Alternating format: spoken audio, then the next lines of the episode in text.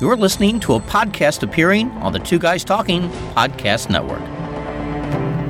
Nobody really likes budgeting.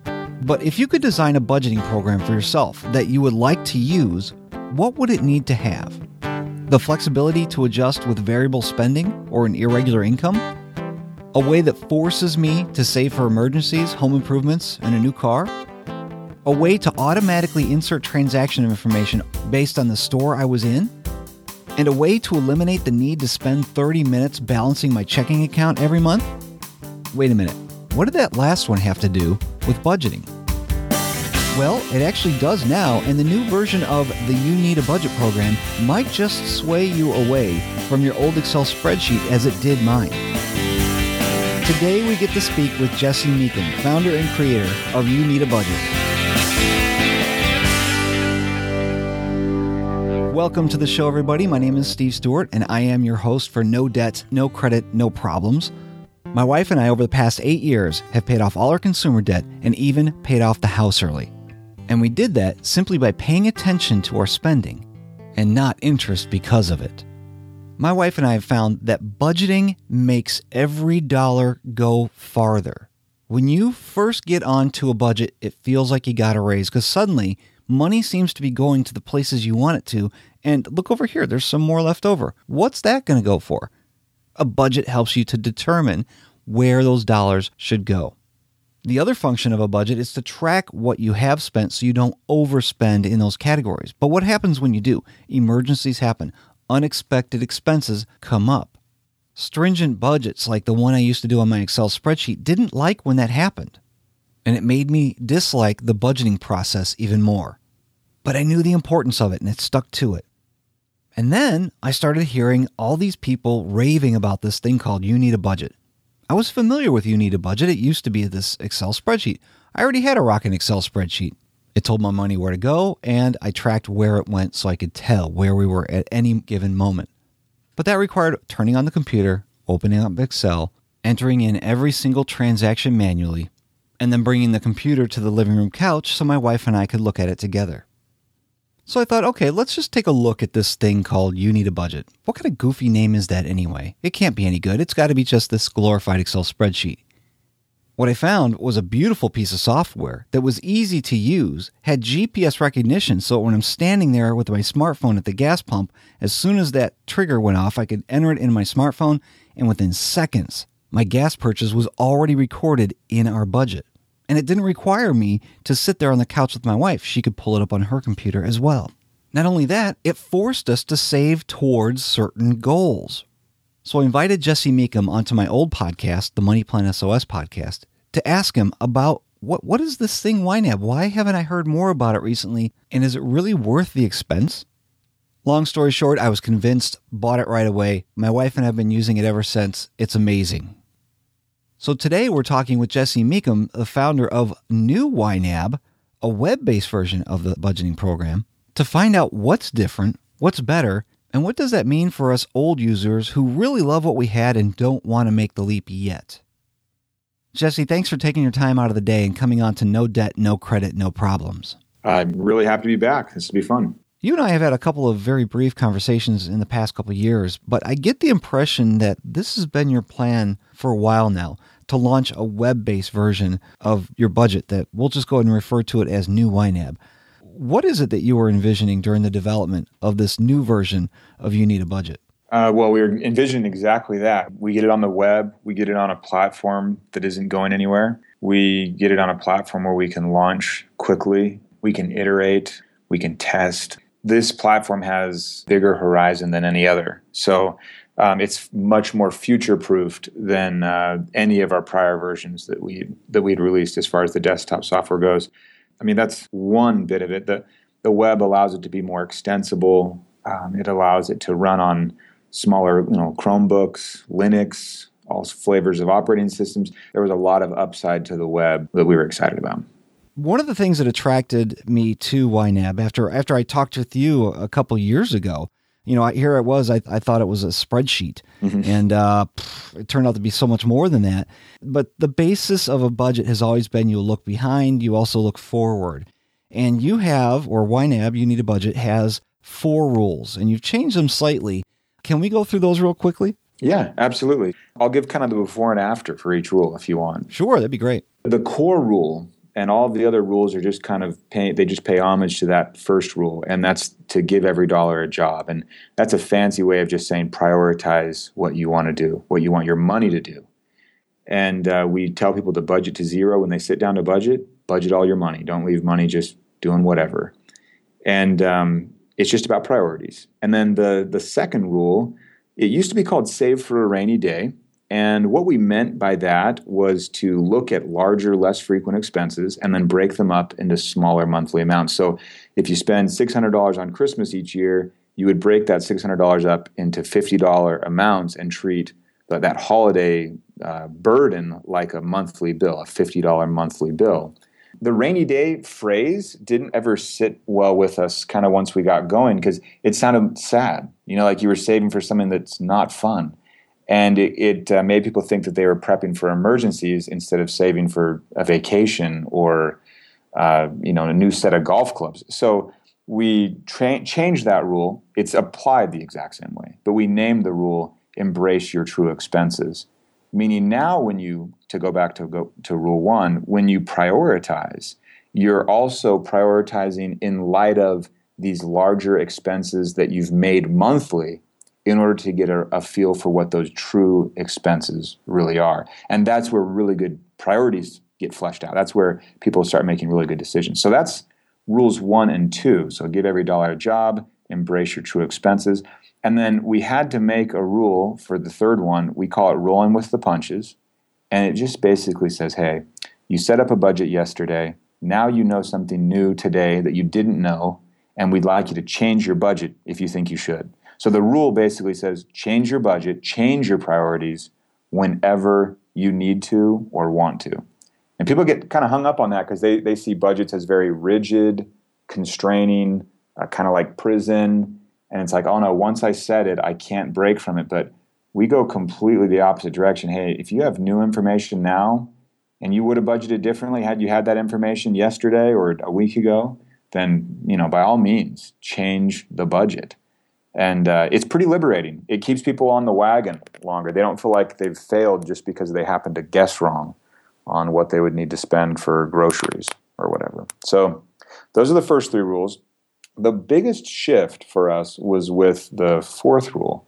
And we really tried to make it more principle based um it was it was uh, originally called stop living paycheck to paycheck. That was years ago. Then we renamed it to live on last month's income. Then we adjusted that slightly to say learn to live on last month's income. And we had it all associated one with income and and two with the month. And you have all sorts of cases, most cases where people have multiple paychecks coming in, they they earn, you know, money, I don't know, every other week, twice a month, at the end of the month, at the beginning, they've got a spouse that's earning money, they earn money in the summer and then live off of it for 9 months as a student. There's just all sorts of cases where that mechanic of saying live on last month's income would break down and cause a lot of confusion. So we love the principle of what we're now calling age your money. Live on money that's at least 30 days old meaning the dollar you just spent it should be something you know it should have been earned about 30 days ago. And this gets people out of the paycheck to paycheck cycle that's stressful. It improves their whole bill paying process because they're not having to time bills to paychecks. And it gets us away from the mechanic of kind of being married to this idea of income for next month and exactly what that means where we can just say listen, try and spend money that is older and get to that point. And um the mechanic in the software now is different in that we just tell people, "Hey, instead of recording it for a specific month, just go over to the budget and budget for that specific month in those specific jobs. And we've seen really, really positive response from new users on that. YNAB 4 users that are used to the old way, they're having to adjust uh, and get used to the new way. But from a, from a new user standpoint, we've been really, really happy with how it's been received. Was that a really long answer, Steve? It seemed long. You covered them all. Yeah. Aging your money, that seems to be the thing that most people I've talked to or seen on, on social media, they are having a, a problem wrapping their head around with. But then again, if you go from, like we were doing, an Excel spreadsheet to YNAB and the four rules, that was a big paradigm change as well. Yeah. And boy, I'll tell you, it was just, it was, it was a lot more fun to budget with YNAB, especially on my smartphone. I can just be at the gas pump, it clicks off, I'm typing in the dollar amount right there. The mm. GPS remembers, "Oh, I'm at the gas station." It already puts all that data in there for me. It's quick, it's easy, it's done. I don't have to have the receipt. It's already recorded. Yeah, yeah, I love that. And I can see how much I have left in the, in my budget for that specific category so I don't overspend. So many wonderful things about YNAB that I just I, I could go on forever. Now, some of the new features that are in the new YNAB. Um, goals, let's talk about that. I, I actually have not played with the new YNAB yet because I'm so I'm so in love with YNAB 4, but the goals feature is very powerful. Talk about that real quick. Yeah, it's just um it's a way I mean I I mentioned holiday spending, but like talk about a vacation for instance. You would say, "Hey, we're going to go on vacation in June and uh we want to spend uh $1200." and you plug that in and then YNAB will tell you, oh, okay, well, here's how much you have to spend. And I actually can't do that math in my head because, you know, I don't know how it would work out. But YNAB will know and figure that out. And we used to lean on people to be able to kind of do that math, but now, the you know, YNAB will do it for you. The cool thing is it'll tell you how much you should budget and it alerts you. It's, it's the, the category balance will turn yellow. And it'll say like, hey, you should fund this. This isn't an emergency like you've overspent or something, but – you need to be aware of the fact that you're underfunding your vacation goal and if you want to hit that target of having that money there in June then uh, you'll need to fund this much. And if you accidentally don't fund it a month or on purpose don't fund it or if you fund too little or too much it will automatically adjust for you. So the next month you know you'll be right back on pace. So that's that's one you can set goals to say I want to fund this exact amount every month. I want to balance in a category to reach this amount by every month or I just eventually want a category to reach you know a total and no date or deadline is attached. And it's a nice way to kind of build a framework for your budget where then when you're budgeting for the current month or if you're you know if you've broken the paycheck to paycheck cycle and you're budgeting for the next month and kind of aging your money that way then you have the opportunity to just kind of say oh yeah well just um fill up everything that's underfunded right now. And YNAB will automatically just kind of walk through and say oh, okay yeah Steve had a goal to pay this much in this category this much here this much here and it just kind of fills it in for you. And then you tweak and adjust to make sure it actually matches your plan. And there is no normal month there's no there's no budget template that is perfect but it gets you a good start and does the heavy lifting for you. So it, it's a cool feature. We we've been excited to to get it out there. I'm excited to have it roll out to the uh to the mobile apps pretty soon as well. Oh, that's cool. That's cool. Uh, another feature is the direct import of your bank transaction. It's not just your bank either. You can import other types of accounts. Is that correct? Yeah, I mean the other types of accounts it just kind of comes with the whole enchilada. So the key the key accounts, you know, your checking, your credit card if you spend from a card and hopefully pay it off right away. But uh yeah, just your key accounts are what are really critical as far as YNAB is concerned. And let me ask you this because I know Every Dollar came out last year and one of the things I was looking at that I thought was very interesting was their way their ability to uh, you know, as soon as I spend something within I don't know, a few minutes, it would show up in the app right there on my phone and I could drag it to a category. Mm -hmm. And YNAB doesn't necessarily do that, although it's very close to that. What really intrigued me with Every Dollar from Dave Ramsey um was that it really could help me eliminate the need to reconcile my bank account once a month. You yeah, know, basically, absolutely. if you think about what we reconcile our bank account for, it's for two things. One, we forgot to to jot something down, we forgot to record it, or two, there's some you know fraudulent charges and and that's how you catch you know identity theft and and somebody you know takes your card sure yeah does YNAB do that now with this importing of transactions yeah absolutely the the reconciliation process is is vastly improved just because the we've removed removed the human component in that regard. So we used to have people go to their website, download a bank transaction file, open up YNAB, open the file dialog, grab the file, and then they would go through and approve the transactions and categorize and make sure they were staying on top of things. And now we just have them click the import button and then they approve and categorize the transaction. So we just removed the tedium from the process. What we didn't want to do is remove the budgeter from the process where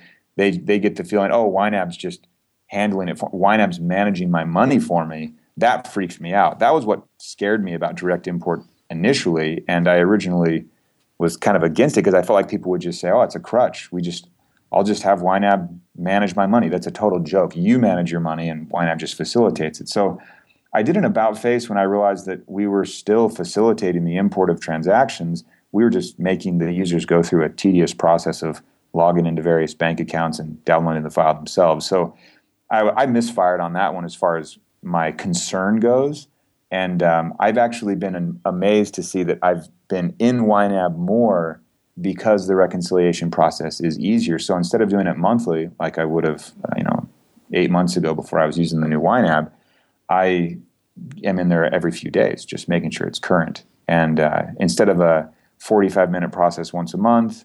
It's, you know, a 2 minute process every 4 or 5 days. And uh I've been I've been really um happy to see that it's actually more engaging for people and getting them in there and staying on top of things more. That's been that's been a big win. I I'm I've been excited to see it. Yeah, I think that's the thing that's going to bring me to the new YNAB sooner than I expected. Excellent. I just got to get my wife on board with it. Yeah, don't rush. I mean, especially with your wife, if she's really comfortable, proceed with caution. You know what I mean? We don't want to rock someone that's going really well. So anyway, that's just friend to friend advice at this point. But it can be tricky when you've got like the guy that likes to dink around and like mess with the tech and then you got someone else like, dude, I just want a budget. You know what I mean? so you, you just got to make sure that you you go carefully down that road. But I'll be happy to have you once you do. and uh, let me ask you this question before we go into the last new feature in the new YNAB. How does a couple access the same account because I imagine you have to log into an account on the web. Yeah. Yeah. It just would be like Netflix or if you shared an Amazon account with, you know, with your partner or spouse, you just share the credentials. There can be multiple budgets within a login. But um you, you can't at this point we're still kind of evaluating. That'll be that'll be a ways down the road. The idea of having separate accounts that could share access to different budgets. And then finally, I want to talk about the newest feature in the new YNAB, which is that it handles credit cards better. I don't use a credit card. I haven't actually played with YNAB using credit cards. I wouldn't even know how it worked. But for the people who do use a credit card, it was really difficult in the old YNAB. How's that solution been resolved in, in the new YNAB? So it's it's a little bit of a mechanic there and it is still tricky. Credit cards are confusing and even if you're using them kind of plain vanilla.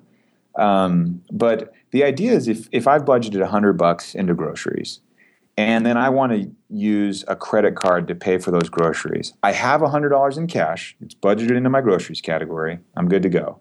And then you're doing it for the points or whatever. Whatever floats your boat, you decide to use a credit card. Um, you go in and you charge it at the at the store and you do acquire debt. And this bothered some people when we started saying it this way. But as soon as you swipe the card, and borrow the $50 for the groceries, you are in debt $50. And I know people will say, "Oh no, but I pay it off." And I well that's great that you pay it off, but until you do, you are most definitely 100% in I debt. I completely agree. yeah, so just to be like super clear right there like no cash is left your system at all. You just acquired some debt. So now I'm not going morally against it or anything. I'm just stating the facts. Mm -hmm. Then you had $100 budgeted you took on $50 of debt. We remove that $50 from your groceries category because we we want to say hey, you're sticking to your budget. The budget as far as you're concerned that money is quote unquote spent, right? Mm -hmm. So we remove the $50 from the grocery budget and we move it up to the credit card payment category. So now if you had a zero balance card, that payment category would now be $50 higher and it would you know your credit card would ob obviously have a $50 balance. And then we'd be able to say, hey, at any point when you want to pay off that card, you would just record the payment in YNAB and it would reduce that $50 that was set aside in the payment category and get you back to zero. So it's a way of, of acknowledging that cash hasn't let, yet left your system, but it is quote unquote spoken for by removing it from the budgeting category itself and putting it over into that credit card payment category. Does that make sense? Yeah, it's it's kind of like buffering for a savings goal, but it's actually going to be used towards the credit cards and Absolutely. Yeah. There are all sorts of edgy edgy cases around all sorts of things, but we we don't have time to time to go I mean, you'd put people to sleep with them. so but that's the gist of the idea. And and it's been cool. It's been very cool to see new users come on and the credit cards aren't this beast of a thing that they have to tackle like they did with YNAB 4 it's just oh, okay oh yeah this makes sense i i've i haven't spent it but i have kind of said this money is now allocated to paying off the credit card instead You know, I had some questions from my listeners. They wanted to ask about YNAB 4, which is the old version. Yeah. For my listeners, just so you can keep up with me, YNAB 4 was the last version of uh, I call it the standalone, the desktop version, and we'll refer to the web-based version, the new version as new YNAB that way they can keep up with us. Cool. So the questions I've got from them, and we'll get these out of the way quickly, is is how long will YNAB 4 be supported? So officially we're supporting it all through 2016, and that means if anything happens at all and uh, it breaks for whatever reason, then we fix it. So if if Apple releases a new iOS, you know, I, what are we on 9 maybe? So if they release 10 probably in September, we'll make sure we work with 10 really well if Windows releases something and it starts to cause problems for YNAB4 running on the desktop, then we'll fix it. And so we make sure that everything will run as, as if nothing had happened, basically. And uh, you can keep on using YNAB4 all through 2016, uh, along with both the Android and the iOS apps. Now, once the clock stops there at the end of 2016, we will still unofficially support it happily the idea is that we still host the apps, we'll still leave them up there on the App Store as long as there are people that can still use them on the operating system and the phone that they're running.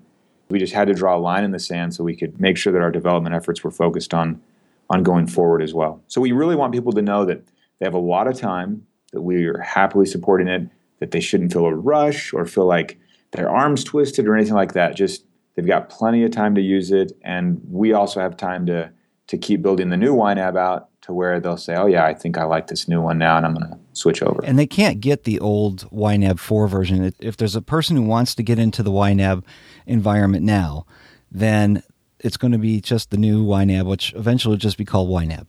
They could still go to ynab.com and scroll down and there's a link that says older versions and uh you click on that you I mean you can still download YNAB 3 from us right? So I mean we we still answer support cases for people that are using software that we launched you know that we sunsetted over three and a half years ago. So people got the feeling that it was like oh my gosh this is going away but it, it'll be around a good long while still. And they can always go to classic.unionbudget.com and that's all the knowledge base all the articles all the videos the download links everything's there we don't want to leave anyone stranded, right? So we really want people to know that they've got all the stuff they need to run their system the way they've liked it for a long time.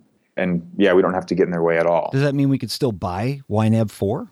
You technically still can. Actually, after this call, I'll chat with one of my designers that will help us message it so that they know, hey, you're you're buying something that's sunsetted at the end of this year. I don't want someone buying it and then being surprised, yeah. right? So but yeah, it, if if you go in eyes wide open say no, this is the one I want, Um, I like my data being local. I like it being a desktop only app. I don't want my stuff in the cloud. Those are all, you know, legitimate cases for a lot of people.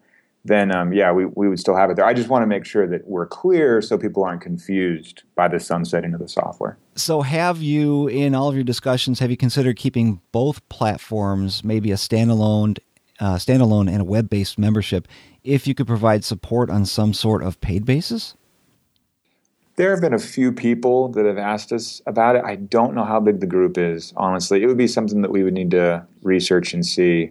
Um it it you know, it's just a matter of is there economic, you know, does it make economic sense? And if it did and and we didn't feel like it was um killing our focus or anything like that, then we could look into it. But it that's kind of a big strategic decision. So we'd have to really dig in and see um we we have had a handful of people say, "Hey, I, I would pay a maintenance fee or something like that to make sure this is going." They love what they've had, and that that to me is a is a huge compliment that they loved it as much as they do. Um, but if you know if it's just a handful of people, then that that wouldn't work for us. We would hope we could win them over to the new to the new system. That's the thing is people who have gotten into YNAB love it. Yeah. And they love the four rules you know, we don't want to give up what we're obviously what's working and what's familiar to us, but uh, you know, the the new features in the new wine app, I don't see it a big jump. Uh, it's just changing from a standalone version to the web-based version.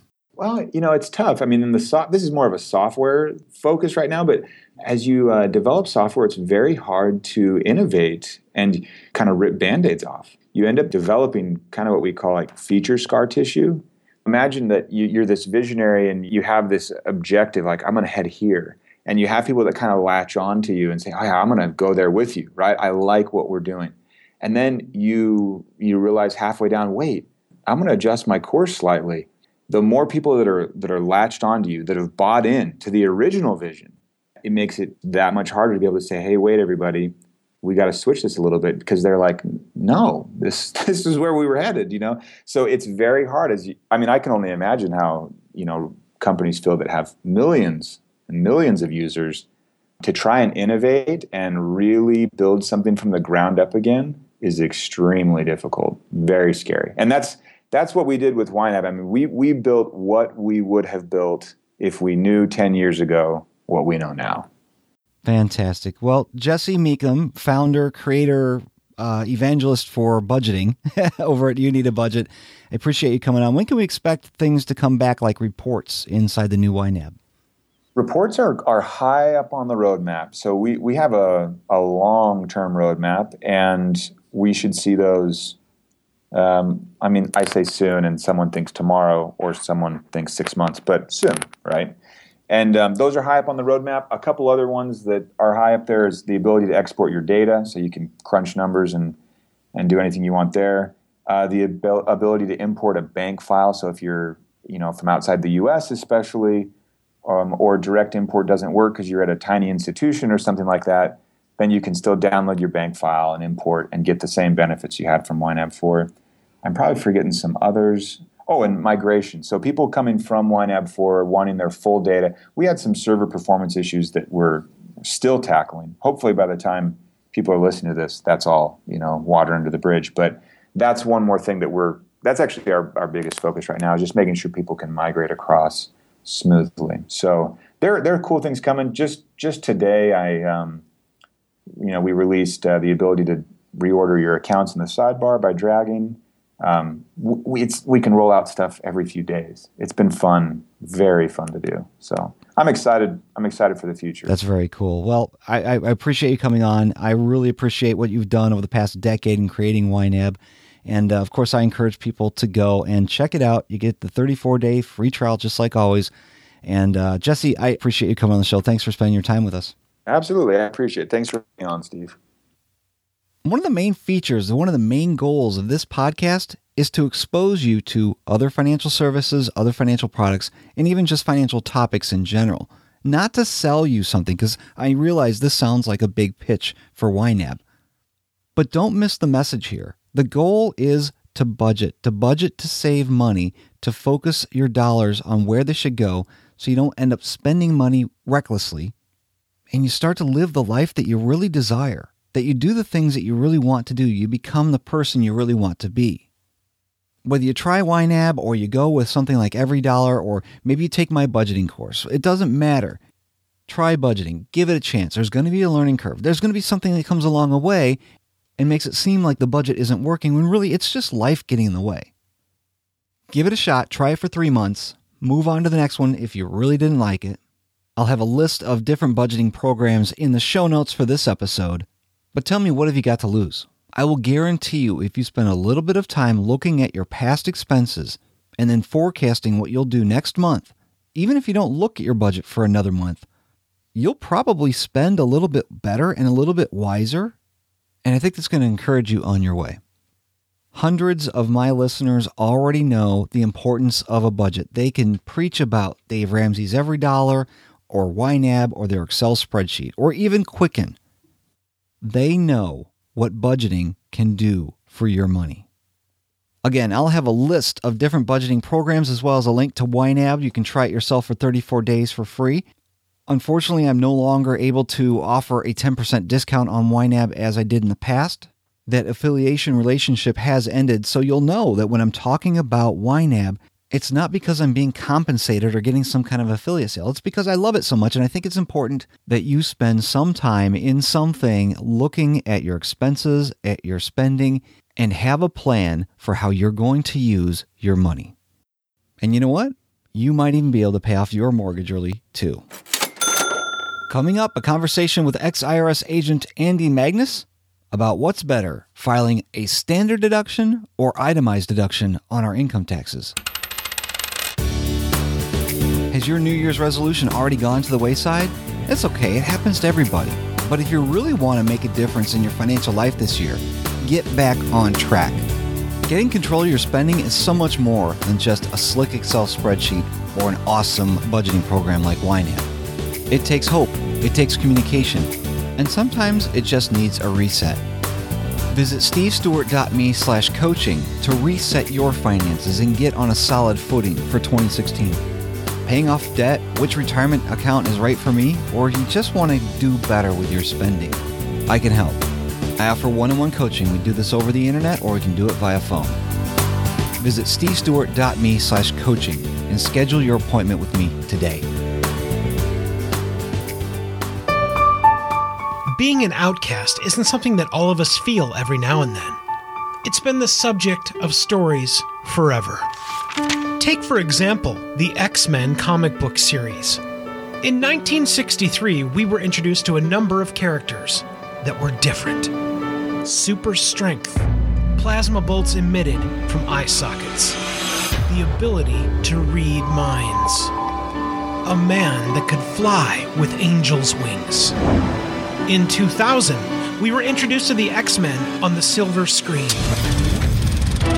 There, Professor X would teach not only his mutant students, but us, as viewers of film, what it meant to be a mutant. There have been more X-Men movies, and even another coming up. But where can you find the best discussion of all of the X-Men movies? Be sure to check out the X-Men Perspective Review series at twoguystalking.com forward slash X-Men. Bullet point based detailed discussion from fans, fanboys, and mutants just like you. Join in the Homo Superior discussion at twoguystalking.com forward slash X-Men. That's the number two, guystalking.com forward slash X-Men. It's time for another riveting discussion with Andy Magnus on our Taxes with Andy segment. Welcome back to the show, Andy. Good to be here, Steve. We've got a lot of people out there who are confused with this itemized deductions and standard deductions and I think that there's a real benefit to understanding just what it is.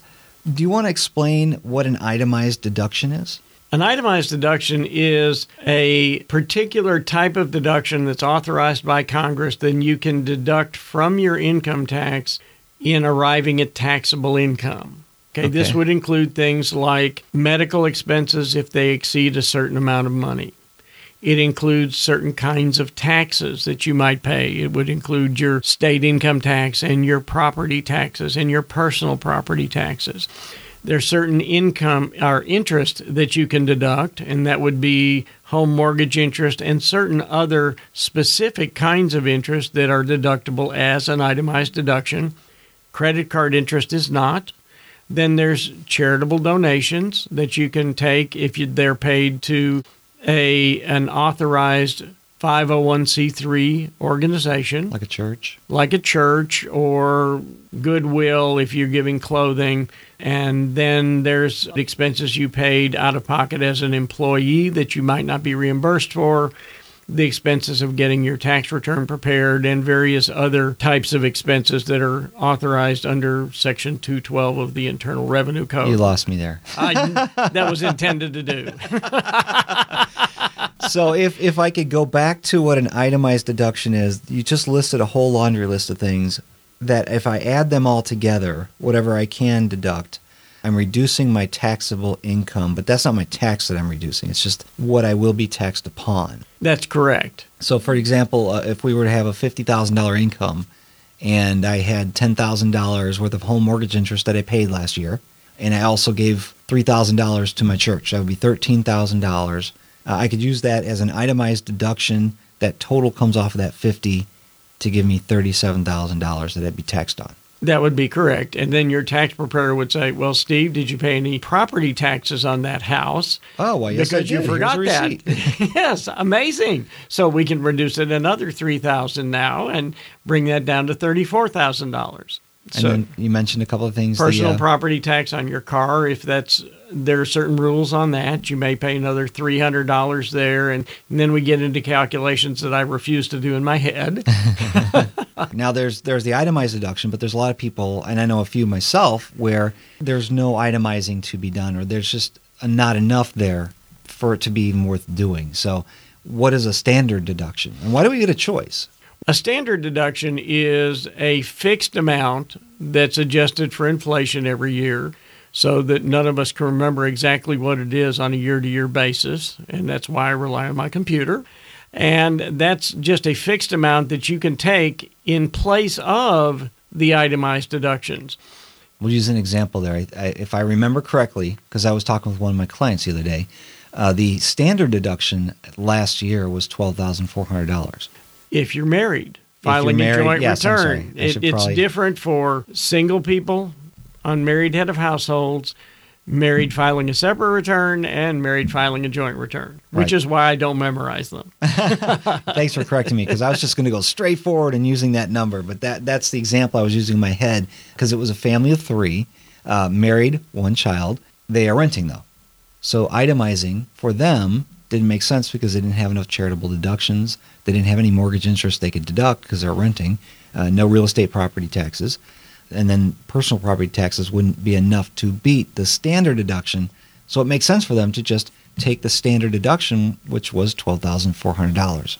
That's correct. And and with real estate loan rates being as low as they are, many people are finding that standard deduction will really exceed what they have in actual deductions. It's kind of interesting. I'll have people come back and say, "Well, wait a minute, Andy, you forgot my my home mortgage interest." I went, No, there's just not enough there. Yeah, which is a good thing. If people will think think it through, having paid lower interest makes sense financially because yes, you aren't reducing your taxes, but you wouldn't be reducing it dollar for dollar anyway because it's not a credit, it's a deduction. Well, and the other thing, Steve, to really consider is like in your example, the $12,400. You're really only getting credit for your interest and other itemized deduction if it exceeds that 12,400 cuz you're going to get that 12,400 anyway. Right. If you have 12,500 $500 in itemized deductions, you really have only benefited by $100 by paying out that 12,500. Yeah. So the I guess the lesson here is to test to compare, to try, I guess, to say if you could beat the standard deduction by itemizing, but you need to have a lot of those things in there already. And I would recommend that you don't do things so that you can itemize because it just doesn't make financial sense. No, it doesn't. We do not recommend it. This information is general in nature and may not apply to your specific situation. Because the tax law is written in words, there may be more than one interpretation of any given set of facts. Contact a qualified tax professional before taking any action. Find out more about Andy Magnus and his services at www.proactivepros.com. Wait, Andy? Proactivepros.com? Isn't that a little redundant? Oh, just like the tax code. Coming up, Habits of the Rich. Eight good habits we could all learn from Tom Corley's mother. Did you know that there is a way to prove your credit worthiness even if you don't have a credit score? It's called eCredible and I have a way of giving you a free account. eCredible is the way to circumvent the traditional credit scoring system to prove credit worthiness. Here's how it works. You open up an account. You list your regular bills, your electric bill, your cable bill, all of your regular bills just like you would in bill pay in your bank. And then when you're ready to prove your credit worthiness, whether it be a landlord or a cell phone company, you contact eCredible They verify your payment history and provide this third-person verification to the person who's trying to judge you on a traditional credit score. Weak file, thin file, no file does not matter. eCredible proves your payment history. Go to stevestewart.me slash eCredible and register for your free account. Mike from the Two Guys Talking podcast here with a note from our friends at Batteries Plus, who are providing us with some great deals on equipment for our upcoming podcast bug project, our mobile podcasting studio fashioned from a customized 1974 Volkswagen Super Beetle. Don't throw away that cordless razor just because the battery's dead. Stop in at a Batteries Plus store and have a new battery installed. Every Batteries Plus store is equipped with an on-site tech center powered by a battery expert capable of rebuilding, assembling, and installing new batteries to replace worn-out battery packs. Their battery experts can build batteries for all kinds of projects including razors, shavers, trimmers, power tools, vacuums, toys, appliances, and more. Contact your nearest battery expert at a Batteries Plus store for services, availability, and pricing. To find a store, check out their website at batteriesplus.com or call 1-800-677-8278. Batteries Plus, celebrating 20 years of quality products and services. www.batteriesplus.com. This is Aja McClanahan you are listening to Steve Stewart on No Debt, No Credit, No Problems. Recently, Tom Corley, author of Rich Habits, lost his mom, who passed away in January of 2016. As he was reflecting on her life, he realized that there was a bunch of good habits that he learned from his mom. So he jotted a few of them down and actually ended up writing a blog post about it. So here is Tom Corley's article that memorializes the habits that his mother instilled in him from a young age. By the way, I'll be changing this to read in the third person so that nobody's confused. Olive Corley was Tom Corley's mom. Olive Corley passed away this morning. She gave birth to eight children, all of whom grew up to be good, caring people. Tom Corley's mom was just under five feet tall, but to Tom, she was a giant. She was an incredible pianist, amazing with a sewing machine, knitted every day, was funny, compassionate, kind to everyone, and devoted to her family. Through her words and actions, she instilled in Tom and in Tom's siblings many good qualities. Let me jump outside of the article. There are eight here, so let's see how many of these were instilled into you by your parents. Back to the article. 1. Show empathy. Many people are going through some life crisis, and kindness and compassion helps ease their pain. Olive Corley believed that we should be there to help others who are going through hard times. 2. Be generous. Help people who are struggling in life. Never ignore those in need. Olive Corley believed we were put here on earth to do good, and that starts by helping those who are less fortunate. 3. Attend funerals. A death in the family is one of those life events that Tom Corley writes and talks about a lot. When you attend funerals, you put your relationships on steroids. The death of a loved one is painful. Olive Corley believed attending funerals shows that you care. 4. Laugh every day. Find a reason to be happy. Find something funny in everything in life.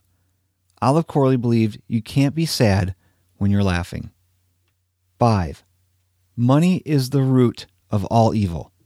Pursuing anything for the love of money alone is wrong. Olive Corley believed that we all have some innate talent and that we need to find something we are passionate about rather than something that will make us rich. 6. You can't control what you can't control. Much of life is outside your control. Olive Corley believed that we should all just try every day to control what you can control and not worry about what is outside of your control. Number 7. Creative pursuits make you happy. When you engage in anything that requires creativity, you will be happy. Olive Corley loved playing the piano. She always had a smile on her face when she was playing. Writing and teaching makes Tom Corley happy, so he writes and teaches every day. Olive Corley believed that when you develop a skill that exposes your inner creativity, it will make you happy. And number 8, love. Show love to everyone you meet. Love solves most problems in life. Olive Corley believed that love was the most important thing in life. Tom then closes up the article with a couple of personal thoughts, but I want to go back and reflect on those eight again. Let me just summarize those and think about that. How many of these do you do on a daily or even weekly basis or when the event occurs? How many of those habits are instilled in you? I know I have a problem with a couple of them. Let me go back and read them all really quickly, just just what they are. Number 1, show empathy. Number 2, be generous. Number 3, attend funerals. Number 4, laugh every day. Number 5, remember that the love of money is the root of all evil. Number 6, You can't control what you can't control. Number 7, creative pursuits make you happy. And number 8, love. Show love to everyone you meet. You know, after talking about budgets and standard versus itemized deductions and all that money stuff, you know, it just doesn't seem as important right now, does it? Those are just the tools and the things that we use to be able to manage money better. But what is the what is the meaning of it? It's so you can lead the life that you want to lead. And I'm going to go out on a limb here and say there's a lot of selfish people out there, and selfishness really is not good for anyone. Not the person who's trying to gain that advantage over somebody else and not the person who's being taken advantage of. But if you're listening to this podcast, you're not a very selfish person. Sure, we all want good things for ourselves, but to what end? The type of person who would sit through this podcast and learn how money works, really works, may not even realize it, but you want to do better, not just for yourself, but for the ones you love and maybe even more. So I commend you for taking time out of your day to learn how to be better and not doing it in a self-serving way. Links to everything we talked about today can be found in the show notes at stevestewart.me. This is episode 8 with Jesse Meekum from Wineo. I've links to everything we talked about there, including some videos. There'll be a nice 23-minute transition video that shows you what the new YNAB looks like, as well as a list of other types of budgets that are available. I'll have links to places where I'll be speaking in the near future, and a way to sign up to receive updates via email. Thanks again for listening. If you haven't done so yet, would you please leave the show a review in iTunes? Just go to stevestewart.me slash iTunes and click on ratings and reviews. Or if you're one of my Android users, go to stevestewart.me slash Stitcher and leave a review there. And of course, if you're looking for help with your personal finances and you want to get rid of debt and build wealth, contact me at stevestewart.me. I'll be waiting for you.